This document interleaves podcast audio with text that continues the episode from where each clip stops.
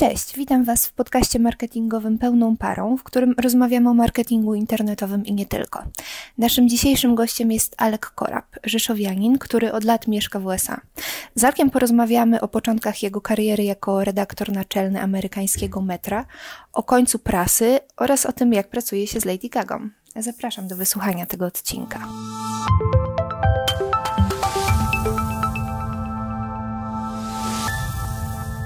Cześć Alek.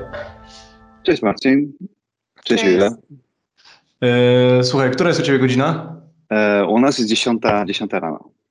10 rano, okej. Okay. No, u nas jest 6 y, chyba, czy nie, czekaj, jest 6 y, godzin, 6 y, godzin różnicy. A, no i miło Cię widzieć, miło Cię e, słyszeć. Pewnie byśmy chcieli z Tobą porozmawiać jakby o tych tematach e, związanych z tym, co się teraz dzieje w Stanach Zjednoczonych, ale może byś nam powiedział, jaka jest Twoja historia? Jak Ty w ogóle jako, jako Polak, dziennikarz znalazłeś się w, w Ameryce i to jeszcze w takim ciekawym okresie, nie? To jest długa historia, postaram się Was nie zanudzić, e, ale generalnie dziękuję za zaproszenie, Julia. Bardzo fajny podcast i subskrybuję i słucham go sobie tutaj e, powoli. Y, ja jestem z Rzeszowa, jestem, jestem Polakiem z Rzeszowa. Y, pracowałem w nowinach rzeszowskich jako dziennikarz, po czym y, pomagałem uruchomić taką gazetę bezpłatną w Warszawie, która się nazywała Metropol e, i która należała do takiego, takiego globalnego koncernu, który się nazywał Metro. W jakimś momencie ci ludzie z tego metra zaprosili mnie do Londynu, żebym stworzył taką globalną agencję newsową, która pisała teksty dla, dla tego całego metra to nazywaliśmy e, Metro Global News, Metro World News to się nazywało, MWN. I to było tyle że to tyle ciekawe, że ja leciałem do Londynu i miałem zarządzać, wiesz, setkami dziennikarzy i słabo mówiłem po angielsku, wiesz, i, i to było dla mnie duże, duże wyzwanie. I tam zrobiliśmy fajne rzeczy, rzeczy, z których jestem bardzo dumny, wiesz, rozmawialiśmy z, z, z najważniejszymi politykami na świecie, z ludźmi, którzy którzy wiesz, rządzą e, technologią, czy z Google, czy z założycielami Google'a, Spotify, e, YouTube, wiesz. No i zrobiliśmy fajne eventy z gwiazdami pop, więc mieliśmy taki, taką akcję, e, gdzie zaprosiliśmy Lady Gaga, która pracowała z nami przez jeden dzień i zrobiliśmy ją redaktorem naczelnym, redaktorką naczelną metra na jeden dzień na szczęście. I to była bardzo fajna akcja, bo, bo po prostu y, media na świecie to podjęły i, i pisały o tym i, i, dużo, dużo osiągnęliśmy. Ona promowała swoją płytę, ale też taki przekaz równości, um, to był podłączony po tą płytę, a myśmy oczywiście um, dawali dużo czytelników i, nasz know-how. Potem, potem przeniosłem się do Stanów, do, do Stanów Zjednoczonych, do, do Nowego Jorku i tutaj e, przeniosłem się do, do gazety, która się nazywa też Metro i która ma, miała trzy oddziały. To było Metro w Nowym Jorku, w Filadelfii i w Bostonie.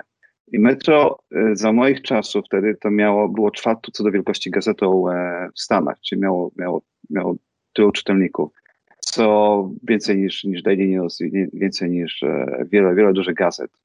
A nad nami był USA Today, New York Times, e, Washington Post.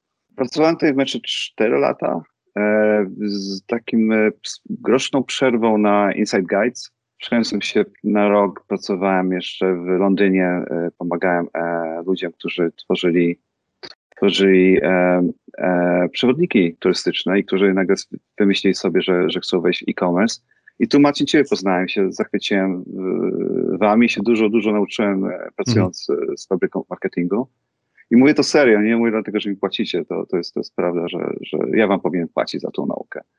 Mhm. E, po czym znowu wróciłem do metra na, na, na półtora roku i, i w jakimś momencie stwierdziłem, że, że jest czas, czas założyć coś własnego. Się dzieło z inspiracji e, tutaj startupami, wiesz, jako taką trochę duchem czasu e, startupowym. Ja też byłem w, w Kalifornii, byłem w, w San Francisco na na, e, na, na takiej dużej konferencji e, TechCrunch i po prostu wróciłem tam odmieniony, wiesz, już, już nie, nie uważałem się za dziennikarza, uważałem siebie za, za, za, za, za człowieka, który, który, który może zrobić dużo więcej niż napisać tekst. No Aha. więc ze znajomym, ze, ze znajomym, z moim e, przyjacielem i teraz wspólnikiem, z Michaelem Fritzonem założyliśmy, założyliśmy startup przy firmie, która się nazywa Noti to ma wiele pomysłów, ale zaczęliśmy od bardzo prostego pomysłu. Zaczęliśmy od pisania o zdrowiu i promowania zdrowego stylu życia i, i pomagania Amerykanom rozwiązywania problemów ze zdrowiem, który tu jest tutaj bardzo, bardzo poważny problem. Jeśli chodzi o służbę zdrowia, o dostęp do służby zdrowia i, i o to, no jak Amerykanie się, wiesz, odżywiają i, i mm. co, mhm. co robią, czy, czego nie robią tak naprawdę. I to za, zrobiliśmy na rok przed, przed COVID-em, przed koronawirusem. E, oczywiście sytuacja się zmieniła, jak, jak, jak, jak pandemia się zaczęła i zaczęliśmy się specjalizować prawie wyłącznie w wirusie. I, i od tego czasu e, e, piszemy teksty o wirusie, mamy, współpracujemy z wielkimi tutaj firmami ja bardzo przepraszam, czasami brakuje polskiego słownictwa na nowe technologie, więc czasami będę wrzucał angielskie słowo. Mhm. Więc pracujemy z Microsoftem, z MSN.com, pracujemy z Yahoo.com i pracujemy jeszcze z Apple News i pracujemy z takimi apkami e, newsowymi, to, to się nazywają Newsbreak albo Smart, Smart News. Mhm. No więc co teraz zrobię? W zeszłym roku mniej więcej mieliśmy, mieliśmy ponad 100 milionów klików i 30 milionów e, użytkowników. Między 30 milionów ludzi przeczytało nasze teksty w Stanach wow. i poza Stanem też. To, to tak tyle o mnie. Okej. A ja mogę, mam parę pytań do tej twojej kariery, bardzo tak mnie ciekawi. W sensie, no. tu sobie aż zapisałem, żeby tego, żeby mi to nie umknęło. Który to był rok, jak się przeniosłeś do Londynu? Mniej więcej. E, dobre pytanie. To wiesz co, miałem 30 lat wtedy, więc, e, więc rok, pamiętam, bo spędziłem, e, spędziłem moje 300 urodziny na, na, na, na, na lotnisku, czekając na połączenie. To był taki, dla taki moment, wiesz, decyzji życiowych, czy chcę zostać w Polsce, czy, czy mhm. brać wyzwanie w Londynie, wiesz, w języku, którego nie znam. E, więc to był rok 2007. Aha, i jak wyglądała wtedy sytuacja, w sensie prasa dalej, znaczy było wiadomo, że prasa zginie, ale prasa jeszcze była duża, tak? I w ogóle ty pracowałeś w internecie, czy pracowałeś w ogóle z prasą wtedy, w tym 2007? Pracowałem z prasą, wiesz, i powiem ci szczerze, że wtedy nie, nie było takiego przekonania, że, że, że prasa zginie, wiesz. Nam się, ja też, ja, ja też byłem w tej grupie, że nam się wydawało, że prasa ma spokojnie 10-15 lat przed sobą. Totalnie nie widzieliśmy, że się skończy po prostu tak, wiesz, i, i ona się skończyła prasa wcześniej, w niektórych krajach, w niektórych później. Ale szczerze mówiąc, dopiero kilka lat później doszło do mnie, że, że można, można żyć bez, bez gazet, bez kupowania albo bez czytania gazet. Mhm. I to jeszcze mam dwie rzeczy. W sensie, jeszcze cały czas do tego epizodu londyńskiego chciałem nawiązać. W sensie, jak podjąłeś decyzję, że się przenosisz? W sensie w ogóle jak jako taki Polak, który pracował w Polsce w ogóle zostałeś zauważony? I dwa, bo to też ludzie, też gdzieś koło 30 miałem taki problem, czy y, jechać do Stanów i przenosić życie. Moja żona bardzo chciała, ja nie chciałem.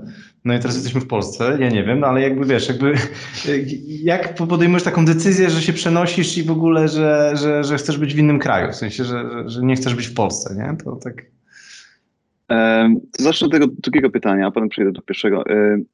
Wiesz co, ja jakoś lubię wyzwania, wiesz, ja wiem, że tak się, to jest takie, taka słowokalka, które się mówi na, na, na, wiesz, na rozmowach kwalifikacyjnych, a mnie naprawdę kręcą problemy, wiesz, takie problemy do rozwiązania.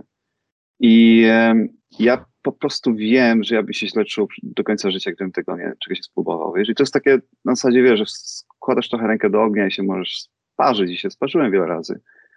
I wiesz, i popełniłem wiele błędów w życiu, ale dzięki temu wiesz co, idę spać i wiem, że, że, że, że nie puściłem jakiejś takiej szansy, nie? Ja bo chciałam zapytać, co było najtrudniejsze w tym przeniesieniu się? Jak się zderzają dwie rzeczywistości? Wiesz co, tak naprawdę naj, najtrudniejszym moim przeniesieniem była prze, prze, przeprowadzka z Rzeszowa do Warszawy. To był dla mnie totalny szok. Na serio, ja nie żartuję, był szok kulturowy.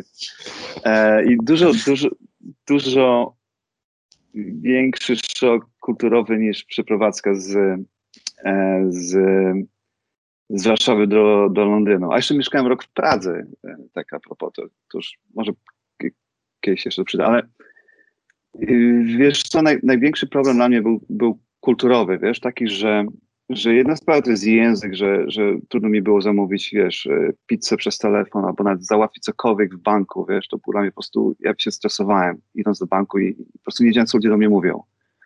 Bo wiesz, ludzie w Londynie mają różne akcenty i tak dalej. Więc to jest jedna rzecz. A druga to jest taka, że yy, na przykład Brytyjczycy mają bardzo taki inny system komunikowania się. My Polacy jesteśmy bardzo, bardzo wprost. Ja pracowałem też w firmie, która była szwedzka, więc Szwedzi są też bardzo tacy, tacy direct, tacy bardzo wprost mówią to, co myślą, nie? Natomiast Brytyjczycy wszystko wieją w bawełnę i tam jest, kultura jest taka, że, że trzeba być bardzo grzecznym wobec siebie, nawet jeśli jest tej grzeczności dużo agresji czy dużo złości. I, i dla, powiedzmy, dla Anglika, kiedy odpowiesz na, na e-maila z, z jakieś pytanie, odpowiesz tak albo nie, dla nich to jest bardzo agresywna odpowiedź. To takie, jakby ktoś przeklął po prostu w tym mailu. Tam trzeba dodać mnóstwo rzeczy przed mailem i, i, i po mail, takich zwrotów grzecznościowych. I trudno mi było się dopasować, bo miałem sporo, sporo współpracowników, którzy byli Brytyjczykami i mi się wydawało, że jestem po prostu totalnym e, wandalem, e, chuliganem, który tam przyszedł, nie że nie mówi po angielsku, to jeszcze nie potrafi się zachować. A jakie było pierwsze pytanie, Maciej? Przepraszam, przypomnij. Hmm, wiesz co, no jakby, y, czy, czy pierwsze pytanie, wiesz co, no trochę już odpowiedziałeś, w sensie jak przynajmniej podjąć decyzję, żeby się, żeby się, wiesz, yy, przenieść, powiedzieć, że nie chcesz, nie chcesz ować, to chyba jest taka, taka klasyczna odpowiedź, w sensie, że wiesz, później na, na łożu śmierci, gdzie człowiek się rozlicza, ale jak, mnie to, mnie to fascynuje, okej, okay, teraz to mówisz tak retroaktywnie, w sensie, wiesz, zawsze tak jak jest jakby taka historia zwycięstwa, to się gdzieś tak odpowiada, ale jak ty sobie radziłeś, bo jakby mój problem osobisty był taki, e, że wiesz, że po prostu się tego cholernie bałem, w sensie, wiesz, jakby ty też mówisz, się stresowałeś, ale jakby powiedziałeś, w sensie, chyba, że jakby tam może jakiś ta oferta twoja była taka super, a po prostu, wiesz, ja bym się po prostu bał oderwać, wiesz, od rodziców, tak jakby no jednak jakby jak sobie radziłeś z tym, z tym, z tym strachem? No bo rozumiem, że już później z Londynu do, do Nowego Jorku to jakby takie naturalne, w sensie no jakby gdzieś tam, ten, ale z Polski jednak wyjechać i do tego jeszcze do takiej pracy profesjonalnej, a nie takiej, wiesz, że po prostu zmusza cię ekonomia, czy fizycznie, nie? No to jest jakby jednak takie, no takie trudne mentalnie, nie? I a miałeś tam jakichś znajomych? Może to jakoś to pomogło? Wiesz co, miałem, miałem byli tam Polacy, którzy pracowali już w metrze i oni mi odrobinę pomogli. To niby jesteś moi dobrzy znajomi, ale pomogli mi w ten sposób, że po prostu podeszli do mnie moi stary, nie zakładaj tej koszuli tutaj, nie? Albo twoje jeansy są za krótkie, nie? To jakieś, jakieś takie, wiesz, bardzo takie, wiesz, uwagi. Podejrzewam, że może dlatego, że trochę bali, że kompromituje Polskę. Ale żeby ci odpowiedzieć na pytanie, to, to yy, wiesz co, ja sobie zawsze staram yy, zanalizować problem i rozbić ten, ten stres czy ten problem na, na, na mnóstwo mniejszych problemów, które można łatwiej rozwiązać. Podejrzewam, że jak ludzie się zajmują e, kodowaniem, to, to dla nich jest to bardziej naturalne. Dla mnie jako humanisty, dziennikarza to jest może bardziej, wiesz, złożona rzecz, a po prostu dla mnie powiedzmy problemem było, był angielski, czy, czy, czy zamówienie czegoś, czegoś e, w sklepie, czy w banku więc zacząłem od tego, zacząłem po prostu słuchać BBC non-stop. Włączyłem sobie, kupiłem sobie telewizor, położyłem telewizor i on chodził, BBC chodziło non-stop w tle.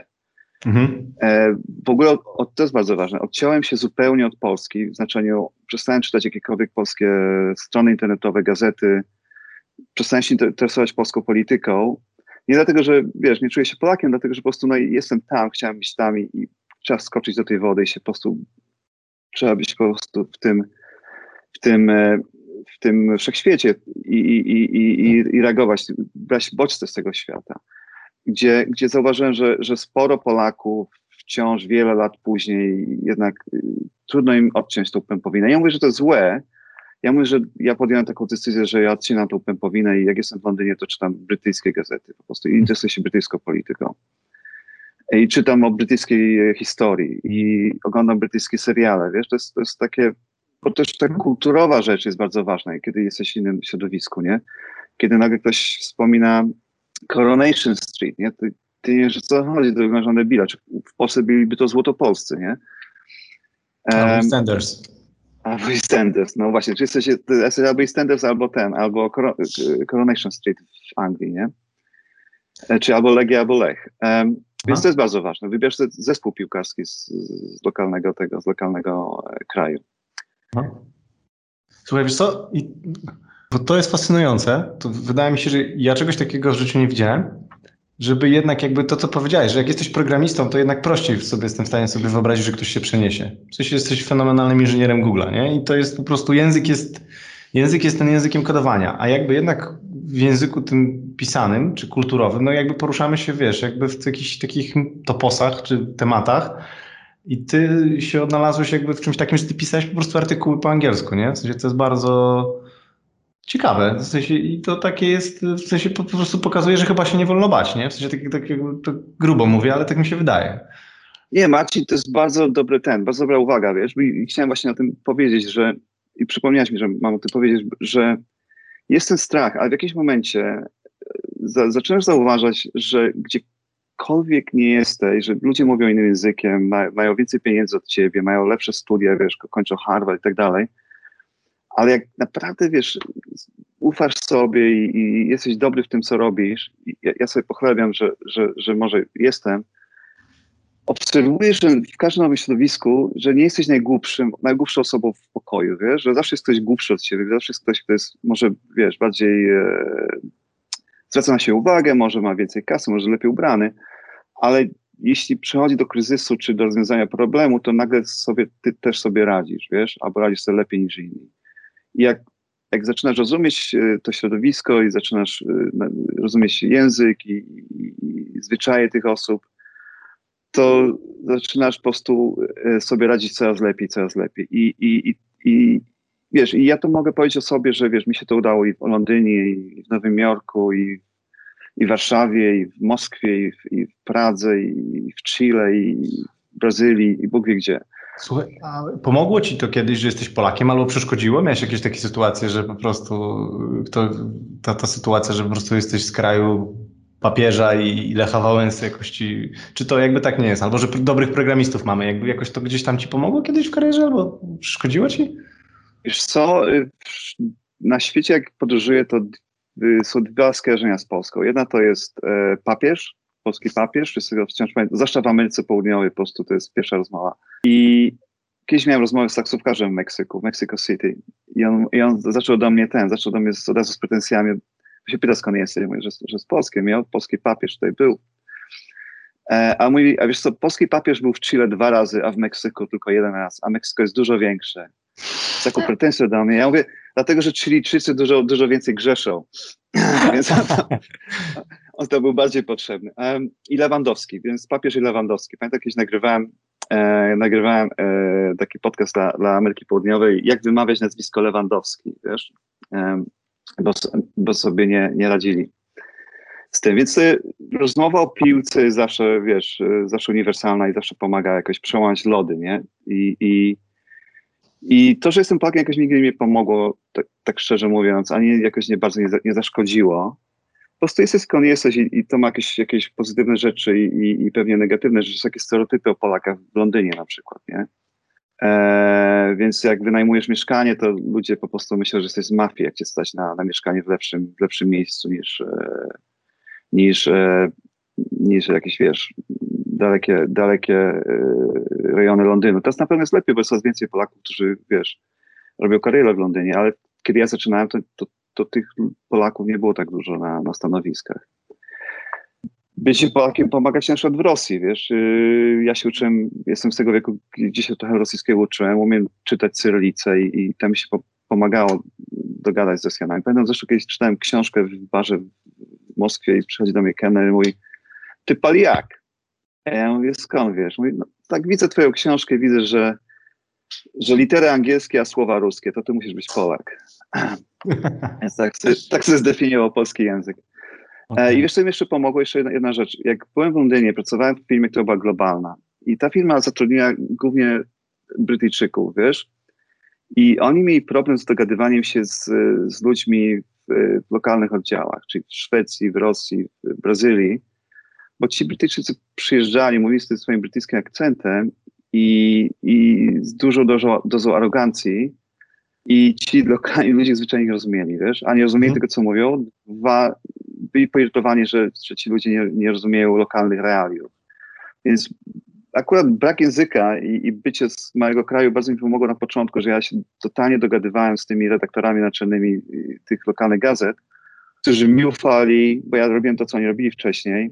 Ja też się potrafiłem z nimi dogadać, bo mówię bardzo prostackim, angielskim typu e, to zrobić tak, tego nie robić, nie?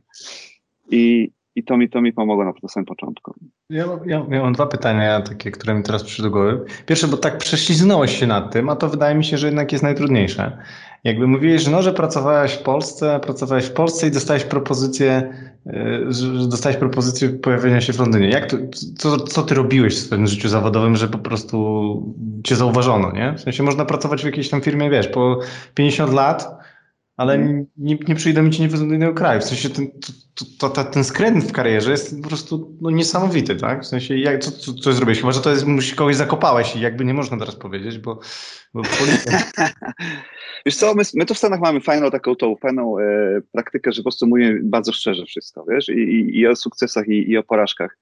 I moja kariera była bardzo ciekawa, bo ja się nie dostałem na studia dzienne e, zaraz po liceum. E, chciałem studiować, studiowałem politologię na, na UJ-cie i, i studiowałem zaocznie. I jako, z tego powodu miałem trochę czasu dla siebie i, i poszedłem do Nowin Rzeszowskich i zapytałem się, czy nie mają pracy. Akurat się otwierała konkurencja, więc to im podkupiła wszystkich, wiek, znaczy sporo dziennikarzy, więc mieli dużo, dużo etatów i na dzień dobry dostałem etat. Miałem, miałem 18 lat, 19 lat, dostałem etat, wiesz.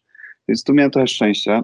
Ale też szczęście polegało na tym, że poszedłem tam i się zapytałem, wiesz, tym nie poszedłbym, wysłał e, CV, to być może tego szczęścia bym nie dał. Więc tam zacząłem pracować jako dziennikarz, jako najpierw redaktor techniczny, czyli koleś, który składa rzeczy. I to była taka, w redakcji to była taka fajna, fajna funkcja, bo tam się wszystkie drogi, to była taka maszynownia, tam się wszystkie drogi zbierały, tam dziennikarze przychodzili i, ko, i korektorki, i dziennikarze sportowi, i polityczni, i tak dalej, i tak dalej. Ale też musieliśmy dealować z tym, e, z techniką, nie? Czy składać teksty, robić filmy. I to mi bardzo pomogło zrozumieć dynamikę i hydraulikę redakcji, w ogóle działania zespołu, wiesz, będąc tej maszynowni. I podejrzewam, że dlatego mi bardzo łatwo potem było tworzyć nowe, nowe redakcje i nowe, nowe projekty, bo, bo rozumiałem taką me mechanikę, wiesz, tego, że musi być silnik, musi być, musi być wiesz, e, kierownica i tak dalej. I w jakimś momencie y, dorabiałem sobie tak, że pisałem teksty do, do tych, y, po, po godzinach. Ale nie po co? te teksty. Nie po co, jeszcze nie co. Ale za, zacząłem pisać w internecie. Zacząłem pisać internet. Internet było nową rzeczą wtedy, w 1997 roku. Byłem pewnie jedną z pierwszych osób w Rzeszowie, która miała modem. To jest jeszcze długa historia. Ale nie powiem, to jest bardzo śmieszna historia. Miałem dziewczynę, która studiowała na SP w Krakowie. Ja byłem w Rzeszowie i ona robiła wystawę w, w galerii Manga. I oni właśnie no. zaczęli użyć internetu i się łączyli z studentami na innych, na innych kontynentach. To było takie wow, nie? I ja im robiłem jakieś, jakieś broszurki, jakieś takie, wiesz, yy, jakieś takie ulotki i jeden ze sponsorów yy, zapomniał mi dosłać, yy, dosłać mi logo te swoje. A tylko, że zapłacił, chciał mieć logo oczywiście na, na, na ulotce. Ja byłem w Rzeszowie, oni byli w Krakowie i on mówi, no to ja ci prześlę internetem. A ja mówię, co to jest internet? On mówi, sobie kurczę, nie macie internetu w tym Rzeszowie? Ja się tak zawstydziłem, że wydałem całą pensję moją, poszedłem i kupiłem, przeczytałem sobie co to internet, kupiłem sobie modem.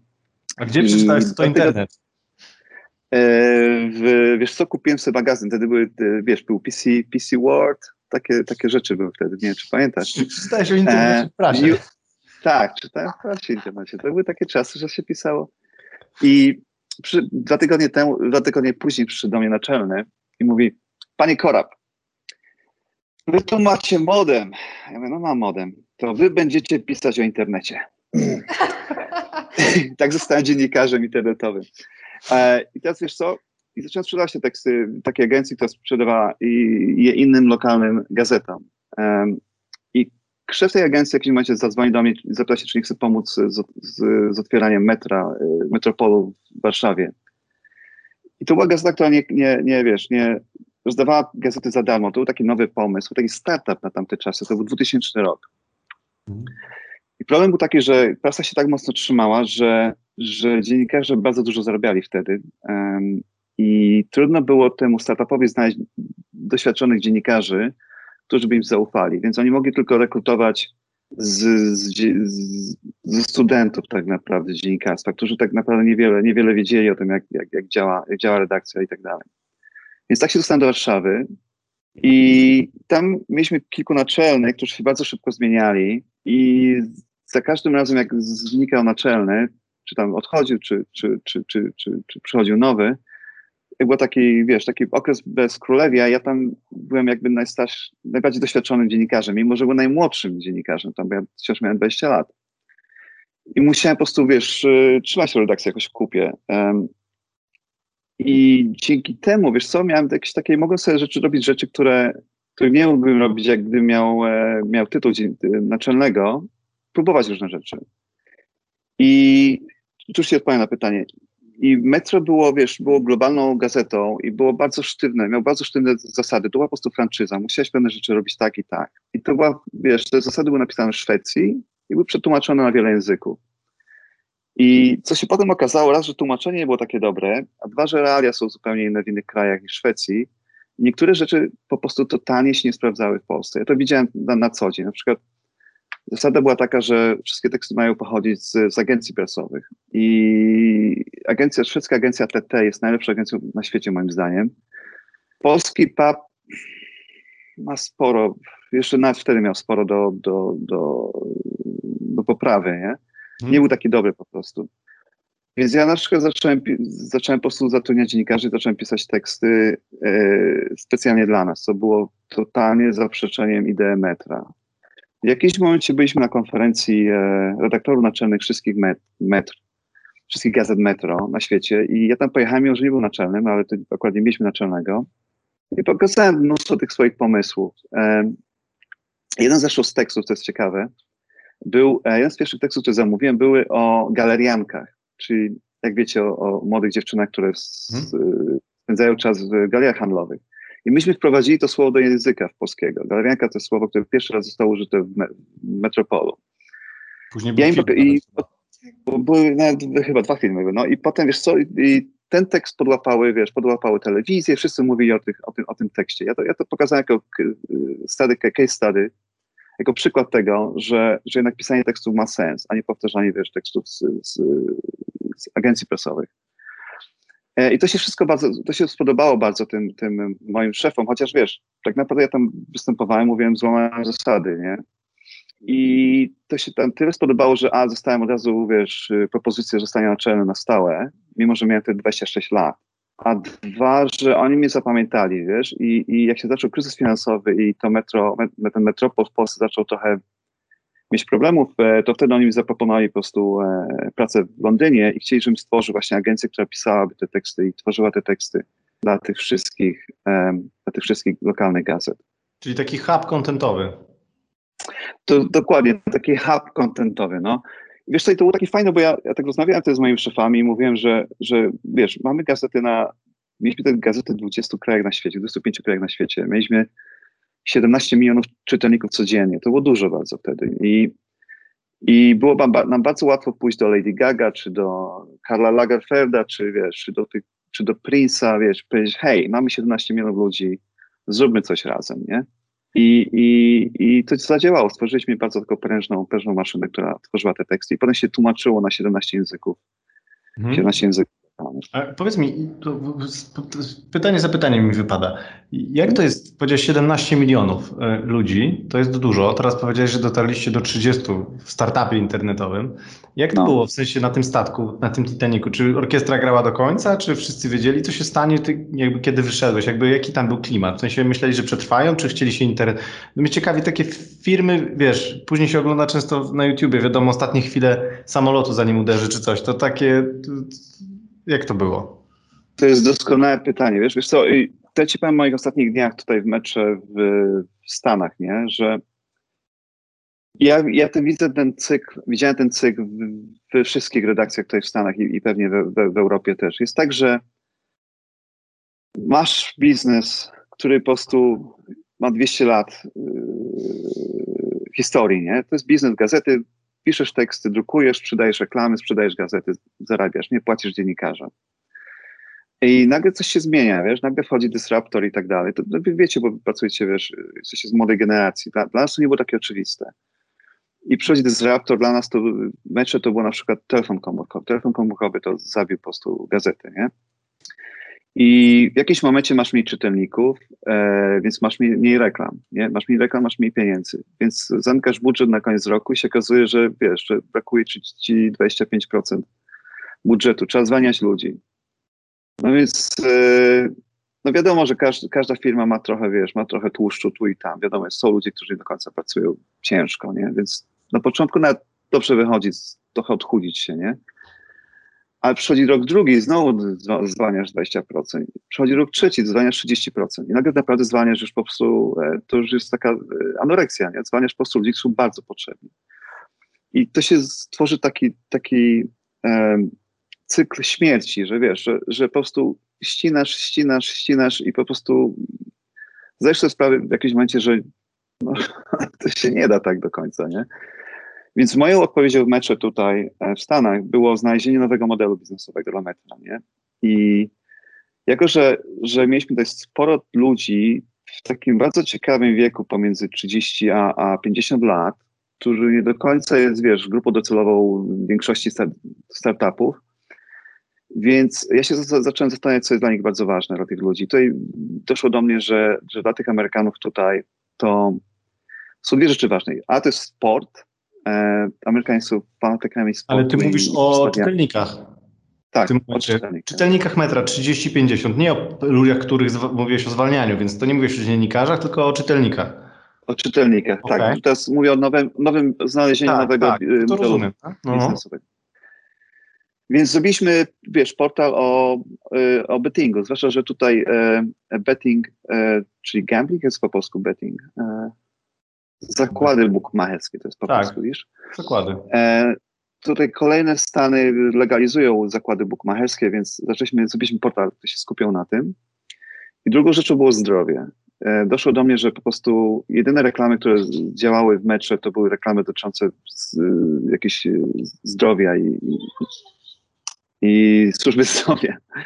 I mamy tutaj, mamy tutaj Stefanię, która się uczy z domu. E, I, I bardzo się skupiłem na zdrowiu. I dlatego też już stwierdziłem, że, że wszystko inne dla mnie to jest, to jest jakaś dystrakcja i chciałbym to zrobić od nowa, po swojemu, e, z moim własnym wspólnikiem. I stąd się wzięło, wziął mój, mój projekt, e, którym się teraz hmm. zajmuję.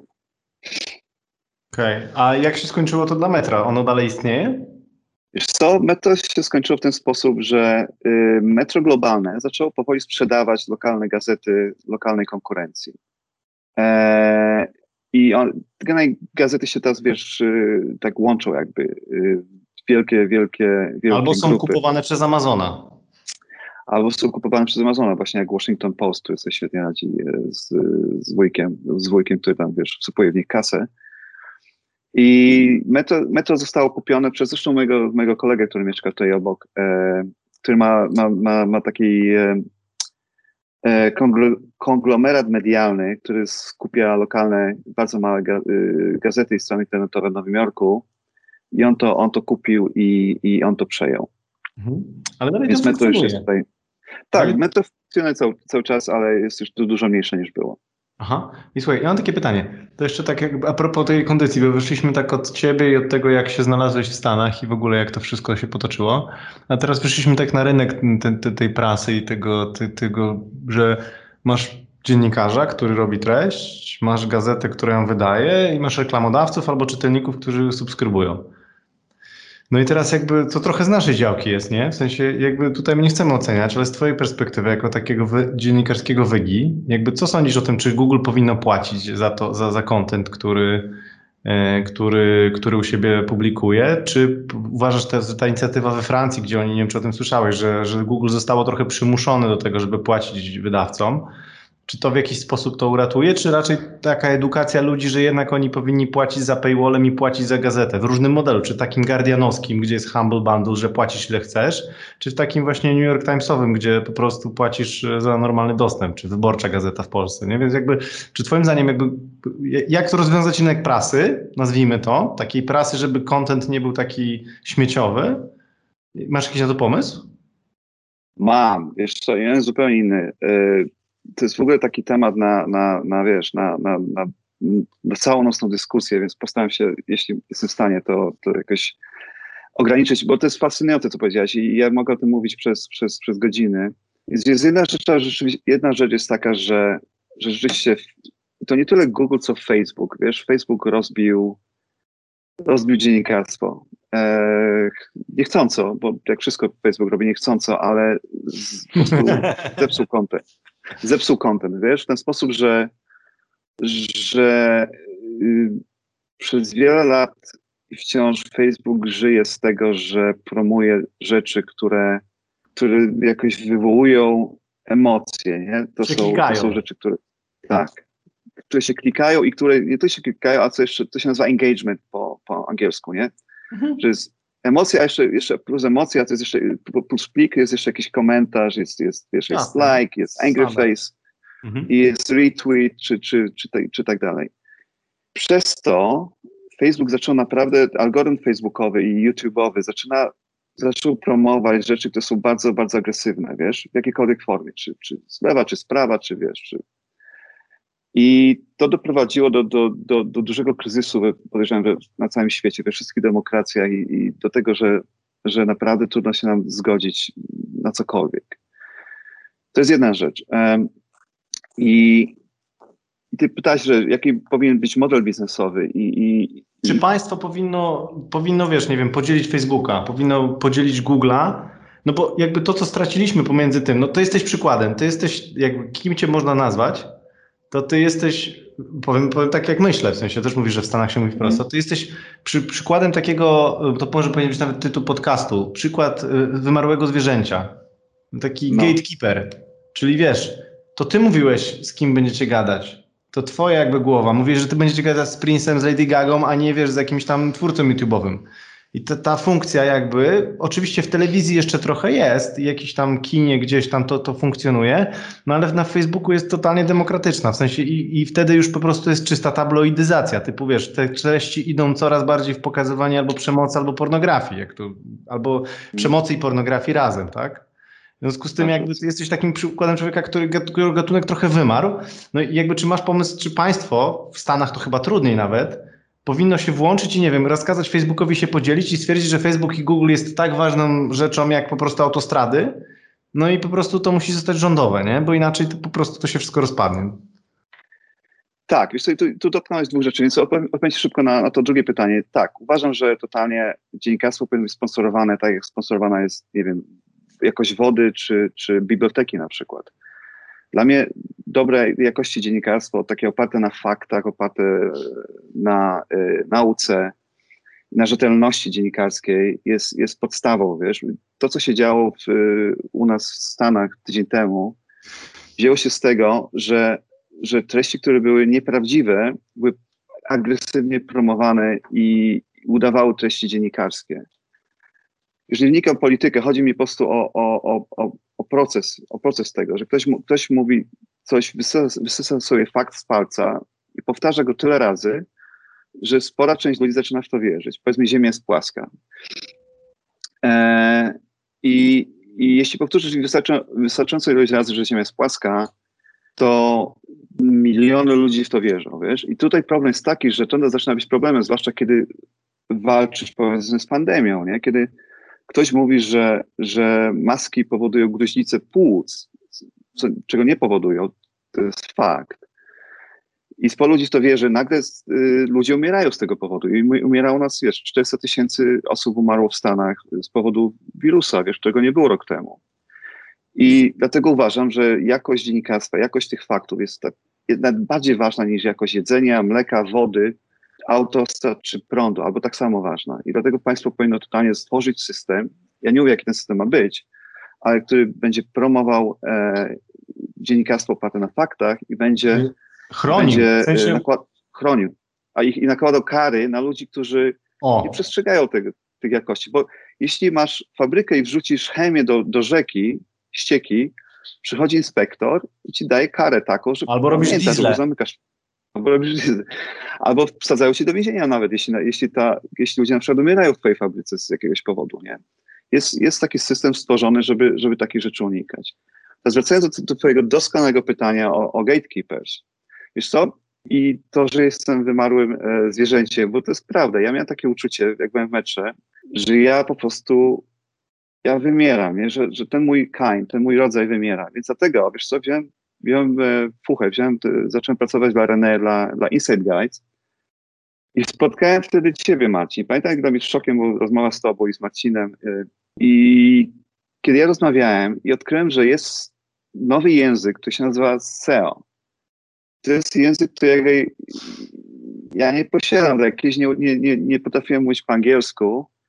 Tak nie rozumiałem tego SEO. Na początku dla mnie to było tak, wiesz, siedziałem obok was i wyście tak mówili 1, 0, 0, 1, 1, 1, 0. Ja myślę, kurwa, czego nie mówią, nie?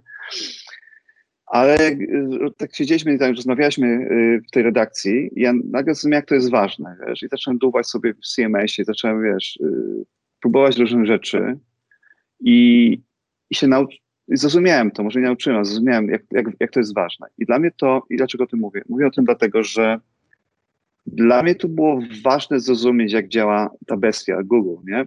I dzięki temu wróciłem do metra, potem rok później i wiedziałem, jak rozmawiać y, z Google, nie? Wiedziałem, jak, jak pisać teksty, żeby Google to, te teksty rozumiało i, i promowało.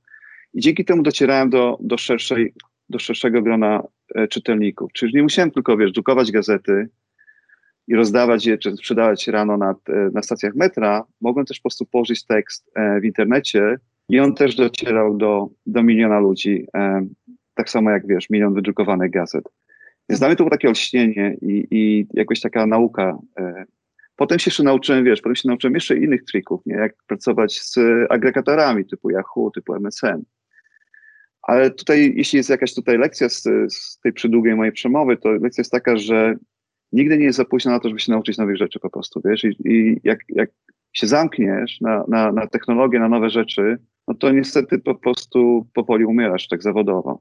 A ja mam pytanie jeszcze o sentymenty. Czy masz jakąś taką sentyment do tego, że kiedyś y, pracowałeś właśnie w metrze i że to była prasa i że wtedy na pewno um, istniały jakieś takie granice i świat był bardziej uporządkowany? Tak, jak, jak, jak dziadek taki jestem. O, kiedyś to. Dokładnie, a kiedyś to było. Tak, chciałam zapytać, jak kiedyś to było.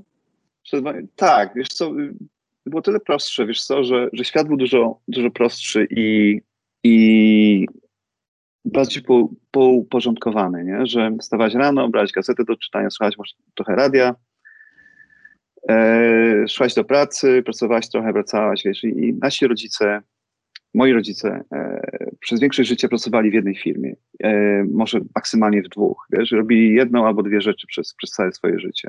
I teraz na przykład, jak ja widzę, jak ja zatrudniam e, kogoś i widzę, że ta osoba pracowała przez całe życie w jednej firmie, to może być Google, nie? Dla mnie to jest taka lampka ostrzegawcza tutaj, wiesz, że, że być może ta osoba nie jest e, bardzo ambitna, być może nie jest e, nie lubi zmian, być może nie jest na tyle bystra, żeby znaleźć pracę gdzieś indziej. Gdzie 10 lat temu, jakbym widział w resume czy w CV, że osoba ma 3-4 prace przed moją, to bym myślał, myślałbym sobie, że ta osoba może jest trudna, może nie jest dobra w tym, co robi, wiesz, może nie stanie się, się skupić na jednej rzeczy. Więc to się zmieniło, nie? Nawet jeśli chodzi o rodzaj, rodzaj ludzi, jak ludzie pracują. Teraz to, co Marcin powiedział, byli gatekeepers, nie? czyli było kilku dziennikarzy, powiedzmy w Polsce, czy kilkunastu, czy kilkudziesięciu, którzy decydowali o tym, co ludzie będą czytali na drugi dzień. I to było tyle dobre, że wiesz, że, że ci ludzie naprawdę się znali na tym, co robili i wiedzieli, co jest ważne, a co jest mniej ważne. No i by nie przepuścili e, Trumpa. Dokładnie. I, I nie przypuściliby rzeczy typu właśnie, że y, teksty, które, które nie byłyby oparte na faktach albo na, na wypowiedziach doktorów czy, czy nauce, typu właśnie, że szczepionki powodują gruźlicę, yy, że maski powodują gruźlicę, one by się nie, nie ukazały w dużej prasie, wiesz, e, czy w dziennikach, czy w telewizyjnych, czy w radiu, bo, bo ci gatekeepers by tego nie, nie, nie, nie, nie przepuścili. Problemem z tym, z tym systemem był, problem był taki, że ci gatekeepers bardzo często byli bardzo aroganccy bo im się zaczęło, mieli taki syndrom Boga. Ja, ja, ja wiem dokładnie, o czym ludzie chcą, chcą czytać. I ja też miałem wielu, wielu dziennikarzy, którzy tak myśleli, wiesz. Ludzie chcą czytać o Palestynie. Ludzie chcą czytać o, o, o nie wiem, o, o ociepleniu klimatycznym. I tak naprawdę myśmy wtedy nie wiedzieli, o czym ludzie chcą czytać. Robiliśmy badania, myśmy robili dosyć do przodu, bo robiliśmy badania czytelnictwa i, i badaliśmy różne rzeczy, a te badania schodziły do nas raz na, raz na kwartał, nie? Czy jak zaczęliśmy pisać powiedzmy o zdrowiu, to ja dopiero pół roku czy cztery miesiące później wiedziałem, że ludzie to lubią albo nie. Teraz, jak wiesz, jak położysz tekst, dostaje feedback natychmiastowy, czy, czy tekst się kliknął, czy nie, czy, czy, czy ten tytuł działa, czy, czy ten tytuł nie, nie działa lepiej. Więc e, to wszystko było powolniejsze, te zmiany były bardziej powolne, więc no, lepiej się tak żyło na pewno wielu osobom, ale z drugiej strony, żeby mieć wpływ na ludzi, potrzebowałaś, e, Julia, potrzebowałaś mieć maszynę drukarską. Maszyna drukarska potrzebowała e, tak e, budynku, wiesz, bo to jest, to jest rzecz, która ma, wiesz, trzy, trzy piętra. Trzeba zbudować budynek dookoła tej maszyny drukarskiej. To kosztuje miliony dolarów taka maszyna. To jest inwestycja na, na 30 lat. Potem trzeba mieć, wiesz, trzeba mieć biuro, które się wynajmowało wtedy na 10 lat. Biuro musiało mieć księgową, musiało mieć recepcję, musiało mieć telefony, wodę, łazienki, wiesz, papier toaletowy. Dopiero na samym końcu, wiesz, myśleliśmy o zatrudnianiu dziennikarzy, wiesz. W tym momencie, jak ja otwieram firmę z Michaelem, z moim wspólnikiem, wynajmujemy sobie biuro, wiesz, e, biurko w WeWork, e, siadamy, piszemy teksty, mamy CMS, mamy za darmo, nie potrzebujemy drukarni, nie potrzebujemy niczego. I w pierwszym roku docieramy do 30 milionów ludzi, wiesz, taka jest różnica. To jest jednak taka wolność tego, że jak masz pomysł, to, to jest go szybciej e, zrealizować. Ale ja bym chciał powiedzieć jedną rzecz, że z drugiej strony do czego doszliśmy, tak? W sensie doszliśmy do teraz, że jakbyśmy teraz pisali, czy będziemy pisali z Julią, jakby opis tego, czy, o czym jest ten podcast, to żeby to dobrze się klikało na Facebooku, to powinniśmy mieć taki lead. Może byś go ocenił, czy on jest dobry. No. Y, Alek Korab, czy były redaktor Metra uważa, że maski powodują gruźlicę? e, to by się kliknął, no, to, to jest taki, e, ja bym, e, obawiam się, żeby ten tekst się kliknął, wiesz, zwłaszcza jakbyś dał z pytajnikiem. E, no specjalnie, żeby uciec, że nie mówię, że akurat dokładnie tego nie powiedziałeś, że nie powodują, ale jakby wiesz, to, to, to, to trochę jednak, wiesz, do tego się to sprowadza, że jakby wiesz, że, że teraz niby jest bardziej demokratycznie, no bo są te algorytmy, no ale z drugiej strony, jak masz takich ludzi, którzy w ogóle jakby nie mają skrupułów, na przykład my byśmy nie mieli skrupułów, to jutro by ten, jakbyśmy ten podcast obrobili, to byśmy, wiesz, walnęli taki tytuł, nie? Żeby nam się... Tak. Ja, ja mam lepszy tytuł, który, który sugeruje, jak osiągnąć sukces w Ameryce. E, I, i mieć wpływ na 30 milionów ludzi, ale wiesz co, tu masz, to, to, jest bardzo słuszna uwaga. I wiesz co, to jest coś, co właśnie selfcy mi zawsze mówią, e, twoi, twoi ludzie i, i twoi fachowcy, z którymi pracuję, że to jest jednak to jest taktyka spalonej ziemi, to jest taktyka na bardzo krótką metę, że jak wiesz dużo lepiej niż ja, że Google nieustannie pracuje nad, nad wyrywaniem takich chwastów, na wyrywanie takich, wiesz, takich e, mediów, które, które pracują właśnie na, na, na clickbaiting, nie? Że pamiętasz pewnie stronę ask.com, prawda? E, fa, fabryki kontentu i tak dalej. Więc to jest naprawdę strategia na bardzo na krótką metę i, i, też, i też Facebook i, i, i, i wszystkie inne te, te, te media jednak bardzo, bardzo pracują na tym, żeby, żeby, żeby pozbywać się, się firm, które, które to robią. Natomiast no, są firmy, które robią. My mamy, mamy jest firma, wiesz co, jest firma, która bierze wszystkie nasze teksty i publikuje je, robi copy-paste i po prostu zmienia tytuł i publikuje od razu za, za każdym razem, kiedy my coś położymy, wiesz. Po prostu my wys, wys, wys, wysyłamy pozwy sądowe jeden za drugim i oni po prostu to robią. Oni po prostu będą robić przez parę miesięcy, dopóki wiesz, prawnicy się do nich nie dobiorą i otworzą jakieś kolejną firmę krzaki, wiesz, dopóki ktoś wreszcie nie posadzi albo nie, nie zbankrutują. Ale taka, taki, taki problem jest. Są ludzie, którzy, wiesz, wybierają drogę na, na skróty i wydaje mi się, i mam nadzieję, że się zgodzisz ze mną tutaj, że, że jak chcesz coś, budować coś na dłuższą metę, to, to warto to budować na fundamentach opartych o jakość. Ale, i tu ja bym dodał jedną rzecz, taką, taką mhm. klamrę, bo, bo, bo się kończy nam godzina i pewnie będziesz musiał lecieć, to dodam, że jak chcesz coś budować, to dzisiaj o tym myślałem, e, jadąc e, warszawskim, warszawskim metrem, korzystając z Google Maps, i pomyślałem sobie o czymś takim, że taka była strona jak Dojadę, bardzo popularna właśnie tam kilkanaście lat temu, która gdzieś miała system przystanków wpisany u siebie i można było e, można było sobie Nadal zobaczyć. No jest, ale teraz ja wpisuję w Google Maps, tak? I jakby, mhm. w związku z tym, jeżeli chcesz coś budować, to po pierwsze powinieneś budować na jakości, ale nie przeciwko tym gigantom, w sensie nie przeciwko Amazonowi, Facebookowi, Apple'owi czy Google'owi, nie? Bo jakby No, bo, bo jak dojadę, jak rozumiem, Julia mówi, że jeszcze istnieje, tak? Ale korzystasz z tego? Tak, ja korzystam z jak dojadę. No, jeszcze jesteś takim, y, ty jesteś ja dinozaurem, jestem dinozaurem jak dojadowym, tak? Ale jakby wiesz, a reszta zakładam, że po prostu zostanie zmieciona przez tą funkcję Google Maps i, i wiesz, to jest jakby coś takiego, nie? To jest bardzo, bardzo słuszna uwaga, Maciej. Ja chciałbym jeszcze o tym porozmawiać, bo powiedzieć, bo ja słuchałem e, podcastu Julii e, z Content of Semi, oni wspomnieli o, o czymś bardzo podobnym. Oni rozmawiali o branży technologii, prawda, użytkowej. I oni właśnie mieli to samo, to, to samą uwagę, że, że ta branża ETV jest, jest po prostu tak obstawiona przez, przez, przez duże firmy, które robią zawodowo SEO, że po prostu tam cokolwiek nie zrobisz, zostaniesz zgnieciony. I ja miałem bardzo pro, podobny problem um, z tym projektem, który teraz robię, z, z projektem zdrowotnym, że tutaj ta branża zdrowotna jest tak doskonała i tak zrobiona, wiesz, z takim rozmachem, że nie ma mowy, żeby po prostu bić się jakie, jakiekolwiek, wiesz, duże tutaj pozycje SEO-owe. I, I myśmy na samym początku zakładali, że totalnie nie robimy SEO, wiesz, że, że, że zaczynamy ten projekt, który totalnie z założenia nie będzie miał SEO. To było tyle ciekawe, że w metrze wcześniej robiłem głównie SEO, skupiałem się na SEO i, i to, co robiliśmy w Insight Guides. E, I wiesz co, i to się opłaciło tyle, że znaleźliśmy, musieliśmy po prostu znaleźć inne, inne, inne formy, inne drogi do docierania do Amerykanów. I dla nas te drogi były y, związane z, y, z agregatorami, czy z dużymi, dużymi tutaj e, e, stronami internetowymi, które, które wiesz, e, publikują cudze teksty. Więc omijaliśmy, omijaliśmy e, Google. I się potem, potem się okazało, że my w sumie Google nas odkryło, dlatego, że byliśmy wspierani właśnie przez MSN, przez, przez Apple News i dzięki temu czasami udawało nam się zdobywać jakieś pozycje Google'a i też, y, jak się okazało, Google zaczęło promować Google News, Google Discover.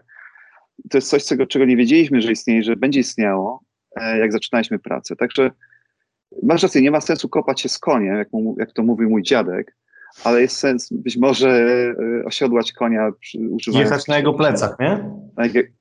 To jest bardzo fajna puenta do tego, do tego podcastu. Okej. Okay. Co, to no. dzięki Alek. W sumie godzinkę Ci zajęliśmy. Powodzenia z nowym prezydentem. Mam nadzieję, że i koronawirus i wszystko się będzie zawijało. I w kontakcie jesteśmy, nie? Dziękujemy Ci bardzo. Super, bardzo dziękuję za zaproszenie i, i jestem pozostaję fanem, będę słuchał tych podcastów w przyszłości na pewno. Dzięki, Dzięki bardzo. Do zobaczenia. Cześć.